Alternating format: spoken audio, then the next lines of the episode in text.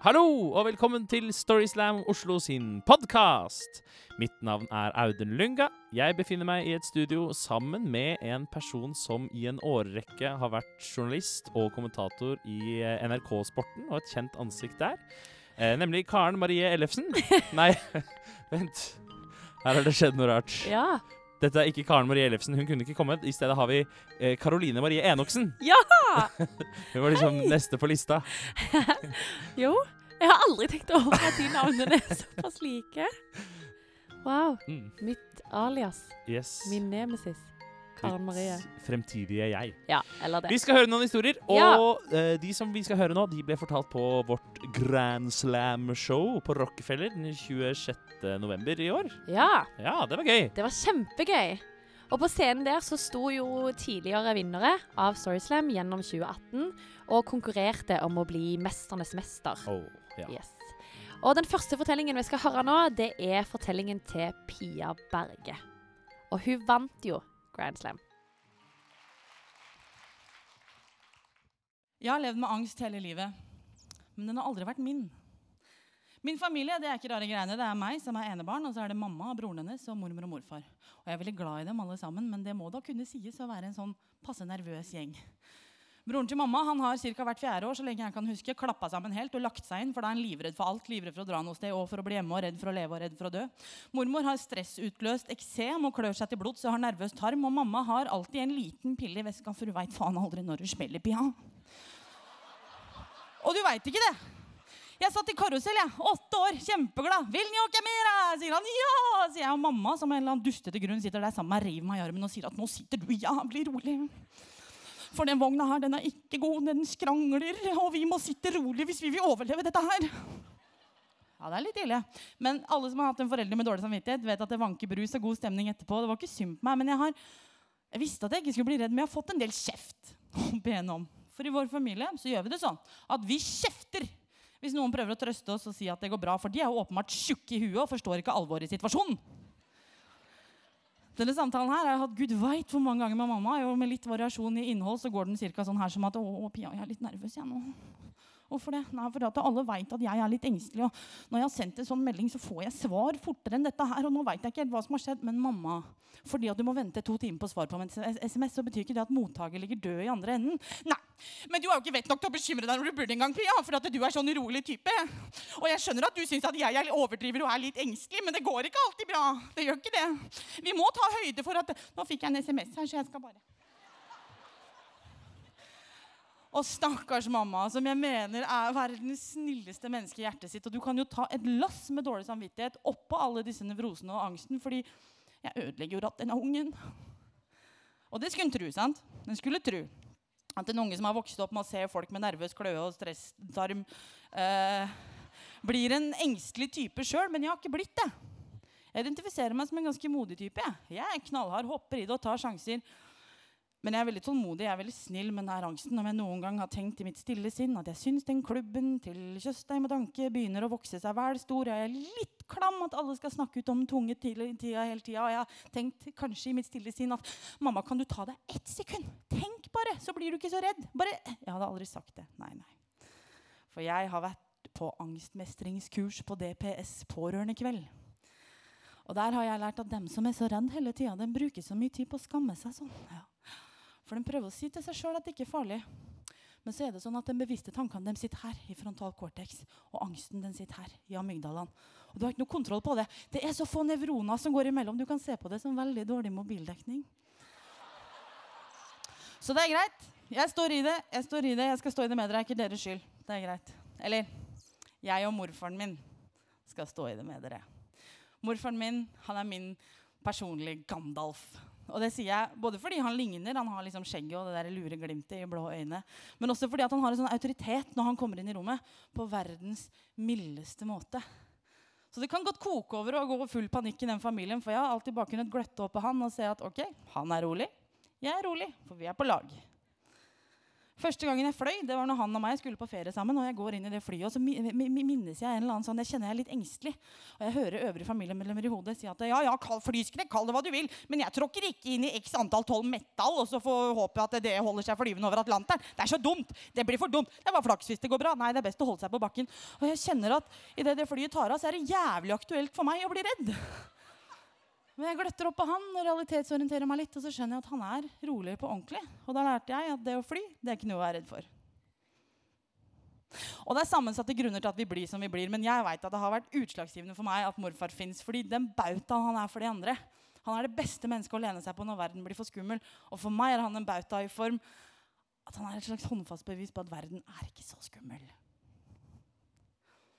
Og så døde han. Helt idiotisk og plutselig uten grunn så døde han. Bautaen min. Men vi var jo på lag. Hva skal jeg gjøre da? Skal jeg være bauta? Jeg kan ikke være bauta, for jeg har fått stresskløe og nervøs tarm. Og jeg har flyskrekk og høydeskrekk, og jeg er redd hele tiden. Jeg tror at Hver eneste rykning jeg har i kroppen, er en sjelden nervesykdom. Og den hodepinen, den er hjernesvulst. Og jeg har alle symptomene på tarmkreft nå. Jeg er redd hele tiden. Jeg er redd for å leve, jeg er redd for å dø, jeg er redd for å dra noe sted, jeg er redd for å bli hjemme, og jeg skammer meg så fælt. Selv om jeg har vært på angstmestringskurs på DPS. Og nå kan du le av jævlige ting, Mikkel, for det var ikke som pårørendekveld. Jeg var pasient i samme rom med samme varme trønder som holdt meg i hånda og sa at du er nødt til å prøve å gi slipp på den skammen, Pia, for du vet det er så dårlig mobildekning mellom amygdala og frontal cortex. Og jeg kjefter. Fy faen, jeg kjefter. Jeg kjefter kjæresten min huden full, fordi han er en ganske rolig type og dermed helt tjukk i huet som ikke skjønner at den gangen her er det faktisk farlig. For er det noen som veit, Daniel, hvor jævlig det er å ha det sånn her, så er det mamma. Mamma hadde svart! Hun svarer ikke, og nå har det skjedd noe. Og jeg skjønner at det er slitsomt for deg at du har fått en kjæreste med angst, at det er ubeleilig, men jeg tåler ikke å miste en til. Og nå fikk jeg en SMS her, så jeg skal bare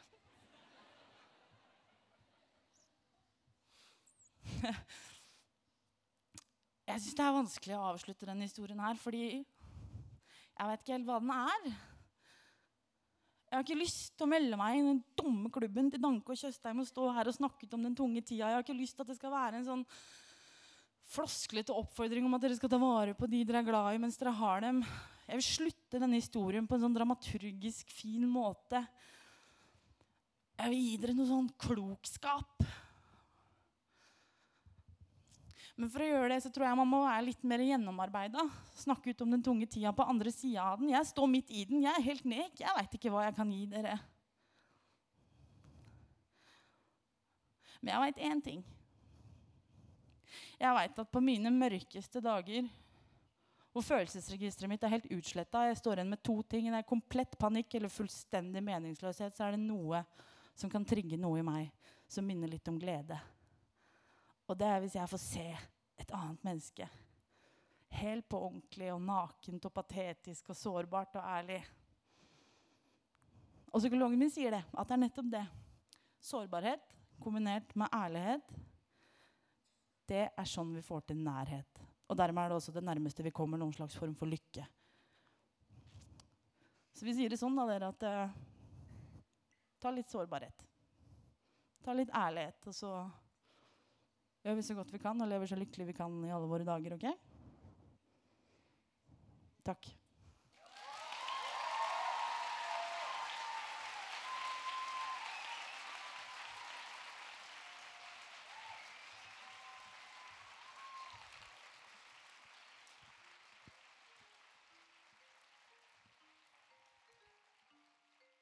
Tusen takk til Pia, som altså vant Grand Slam med den fortellingen. Ja, gratulerer, Hurra!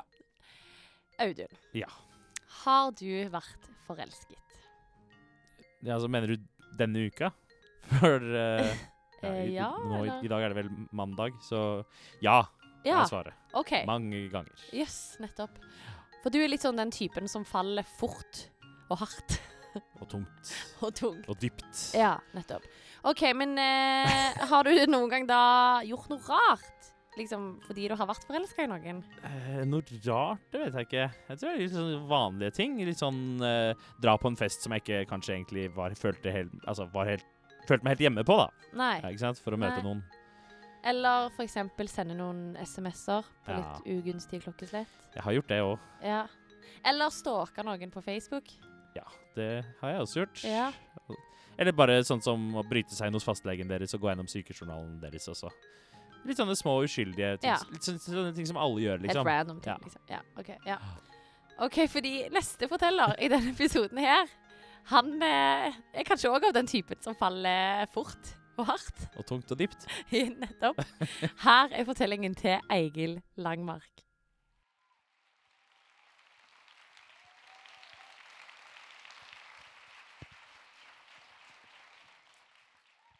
Ja, eh, klokka er eh, 06.23, og jeg står på eh, Majorstad T-banestasjon mandag morgen og har eh, forsovet meg.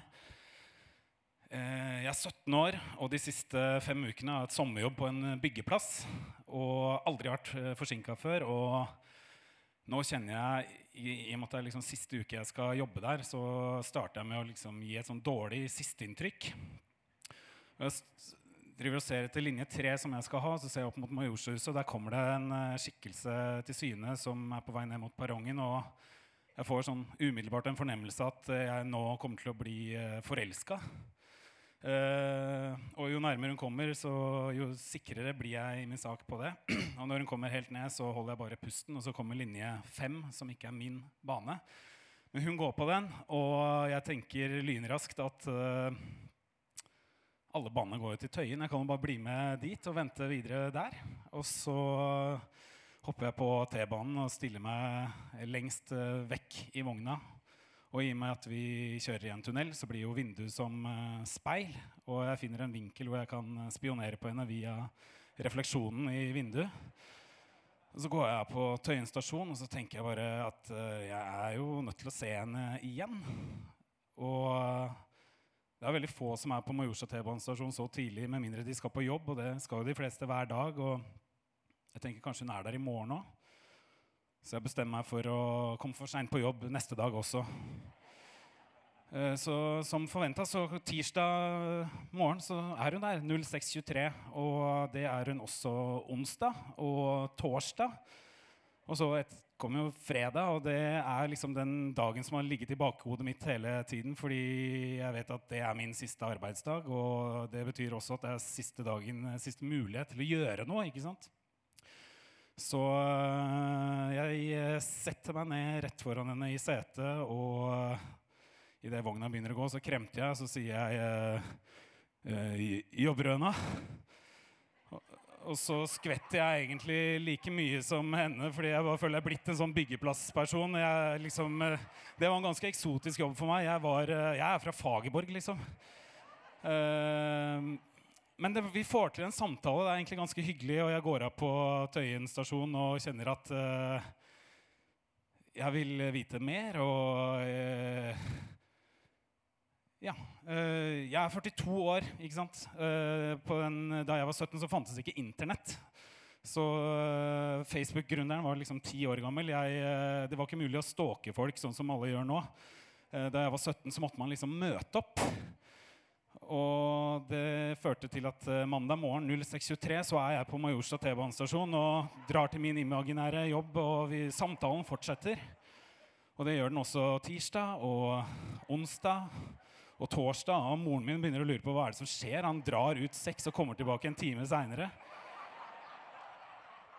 Men eh, torsdag så sier denne T-banejenta til meg at eh, hun har tenkt seg ut med noen venninner i kveld. Og kanskje vi skulle møtes på Olsen kafé ved Bogstadveien klokka 11. Og jeg eh, sier eh, eh, ja, det har vært hyggelig. Det, det syns jeg vi skal gjøre. Det, jeg hadde kanskje tenkt meg ut selv. Så eh, når jeg setter meg på T-banen hjem fra Tøyen den morgenen, så føles det mer som jeg står på taket av den T-banen og surfer med vind i håret hele veien til Majorstad. Resten av dagen bruker jeg på å finne ut hva jeg skal ha på meg. Og klokka 23.00 så er jeg på Olsen kafé. Og der er det jo ingen. Det er uh, bare meg og bartenderen i hele lokalet. Og jeg uh, setter meg ved et bord og venter. Og jeg tør ikke å bestille noe, for jeg er ikke gammel nok. Eh, men etter en halvtime så kommer bartenderen eh, bort og spør eh, du, venter du på noe. For nå ringte det nettopp noen her på fasttelefonen som, eh, som sa at eh, hun ble forhindra fra å komme og var veldig lei seg for det og skulle hilse. Og jeg går hjem og tenker herregud, for en uh, fantastisk eh, person. Hun tenker jo på meg kanskje nesten like mye som jeg tenker på henne. Og 06.23 fredag morgen så er jeg klar på Majorstad T-banestasjon uh, for å ta henne imot. Men uh, hun kommer jo ikke. Og så kommer linje 5. Det er liksom vår bane. Og eh, den går igjen uten noen av oss, selvfølgelig. Og eh, jeg begynner å lure hva gjør jeg nå? Eh, jeg må jo Så er det liksom en stemme i hodet som sier at ja, det var jo bomtur, da. Det er jo bare å dra hjem. Hun var ute i går og har forsovet seg. Det er, må bare leve med ta det en annen dag. Og så er det en annen stemme som sier at hvis ikke jeg får sett henne i dag I dag er det fredag. Da får jeg ikke sett henne hele helgen. Og det er liksom en evighet som jeg egentlig ikke har i meg, tror jeg. Eh, så jeg blir stående og vente i 20 minutter. Og så går det eh, 40 minutter. Og så har det gått en time. Og da begynner jo den første stemmen å bli ganske streng. og si bare, Eigil, hva er det du driver med? Hva skal du si når hun kommer? Du skulle jo vært på din eh, imaginære jobb for lenge siden. Og den andre stemmen begynner å lete etter andre veier å komme seg ut av Majorstad T-banestasjon på. fordi det er veldig dumt hvis jeg møter henne der oppe på vei hjem. Uh, ja. Og etter 1 time og 20 minutter så klarer jeg liksom til slutt å rive ned ene foten foran den andre og tenke at nå må jeg gå. Og så ser jeg en skikkelse der oppe på, ved Majorstadhuset og innser at det er for seint. Og hun kommer liksom hutrende ned. Bustete hår og veldig sånn trøtte øyne. og De bruker veldig lang tid på å kjenne meg igjen. på en måte. Og, øhm, men når de gjør det, så er det ikke som de ikke skjønner noen ting. Og jeg prøver å si jeg har forsovet meg, jeg òg. Men det er det ingen av oss som tror på. Og så er det akkurat som de øynene bare skjønner altfor mye. Og jeg tenker, hva tenker hun nå? Nå tenker hun kanskje liksom, eh, kanskje han ikke har noe jobb å dra til. Kanskje han stalker meg. Kanskje han er gæren, liksom. Og jeg kan svare på de spørsmålene. Jeg kan si nei, ja, jeg, har, jeg har ikke noe jobb jeg skal til. Og jeg, jeg, stalker deg kanskje bitte lite grann, men jeg er jo ikke gæren. Jeg er jo bare liksom men eh, det spiller jo ingen rolle hva jeg tenker eller føler. eller noe som helst. Eh, linje 5 kommer, og hun går på den, og jeg går etter. Og vi setter oss eh, sammen. og Hele den togturen til Tøyen den foregår i absolutt stillhet. Og jeg sitter og ser ut av vinduet tvers gjennom liksom, refleksjonen hennes da, inn i den svarte tunnelveggen. Og når jeg går av på Tøyen, så kikker jeg meg over skulderen, og hun eh, ser en helt annen vei når hun forsvinner inn i den svarte tunnelen. Og så får jeg en sånn ny fornemmelse på en måte at eh, jeg er jo utrolig dårlig på sånn sisteinntrykk. Og så tenker jeg at jeg kanskje bare de siste få dagene som er igjen av sommeren, så bør jeg bare sove litt lenger om morgenen. Tusen takk.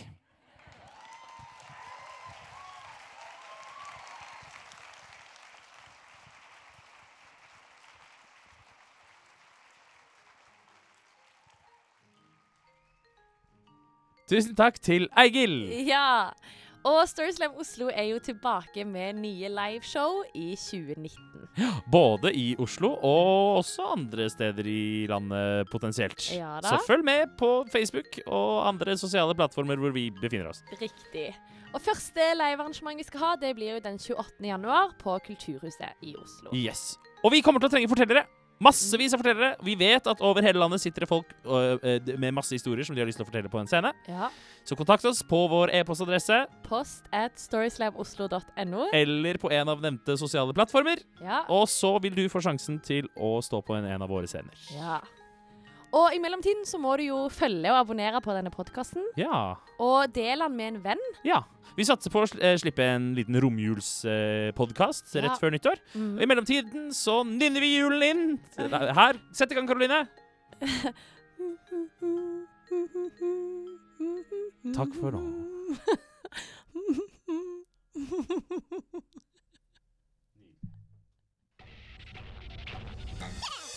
Monster.